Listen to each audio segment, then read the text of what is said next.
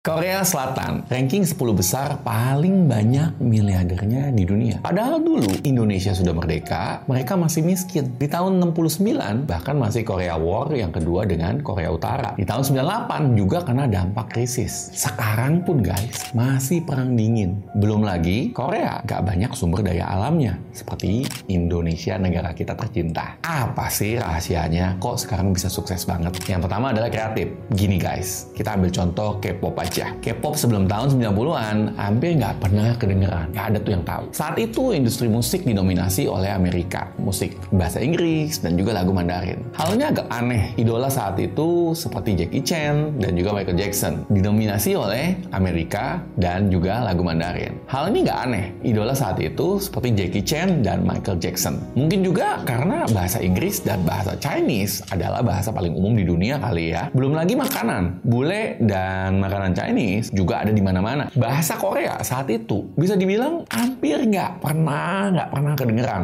Ketemu orang Korea aja jarang guys. Apalagi nyanyiin lagunya. So saat itu mungkin nggak kebayang K-pop bisa kayak sekarang ini. Blackpink harga tampil sekali aja bisa 50 m guys. Ngalahin Coldplay dari Amerika yang 33 m sekali manggung. Tampil di GBK pendapatan mereka 410 miliar dari dua konser. Wow, kreatifnya Korea. Wow banget keren banget dari sisi musik drakor. Sekarang boleh dibilang udah global merambah dunia. Hal kedua, penggunaan teknologi. Anda perhatiin deh, Korean Wave atau Hallyu itu mulai menggila di tahun 2000-an. Berkat apa? Berkat internet. Dan go global karena lagu Oppa Gangnam Style di tahun 2012. Saya bahkan dikenal sebagai King of YouTube berkat videonya yang sudah ditonton 4,7 miliar kali. Hal ini membuat budaya Korea go global, mendunia. Dan produk Korea juga lebih dikenal. Lewat internet, Samsung, Hyundai, dan juga produk Korea yang lain ikut ngebonceng ombak ini. Hal ini membuat budaya Korea mendunia. Dan produk Korea juga lebih dikenal lewat internet. Samsung, Hyundai, dan produk Korea yang lain ikut membonceng ombak ini. Banyak dari produk Korea juga sangat kuat di teknologinya. Sekarang di Indonesia pun kita tahu, salah satu mobil yang lagi naik daun adalah mobil Hyundai. Padahal dulu nggak ada yang menggunakan Hyundai. Hal ketiga, perusahaan konglomerat Korea bekerja sama dengan pemerintah demi kepentingan memajukan ekonomi bersama. Setelah bantuan IMF di tahun 98, pemerintah Korea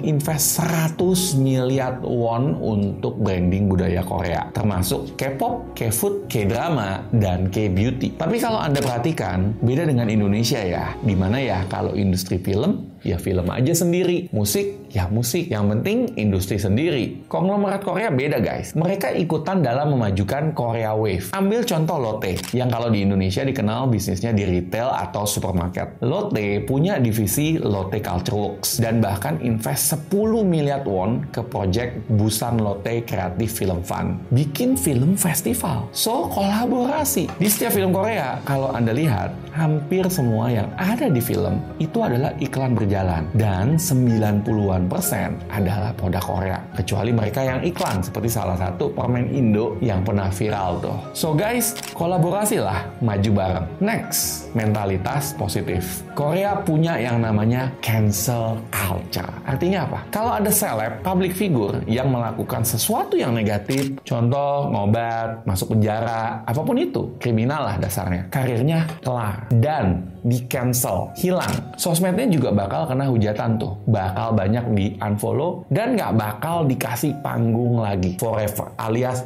selesai. Beda sama Indo. Kalau di sini ya kita tahu sama tahu. Abis kena kasus, asal minta maaf, mendadak agamis, bisa-bisa malah tambah terkenal. Bahkan banyak public figure yang sebenarnya sekarang sudah kena kasus. Ya kalau panutannya aja begitu, gimana mental bangsa kita bisa lebih baik? Miris guys. Nah terakhir nih, disiplin dan loyal. Contoh nih contoh. Saya pernah ketemu salah satu produser terkenal. Dia cerita bahwa dia ke Korea. Saat itu zamannya SNSD, Girl Generation. Dia ketemu dengan produser Korea di sana. By the way, sebelum lanjut subscribe dulu lah. Yuna, personel dari Girls Generation. Mungkin beda tipis ya dengan Jennie Blackpink kalau sekarang. Datang sedikit telat ketika mereka sedang makan. Nggak pakai babi bu, langsung ditampar.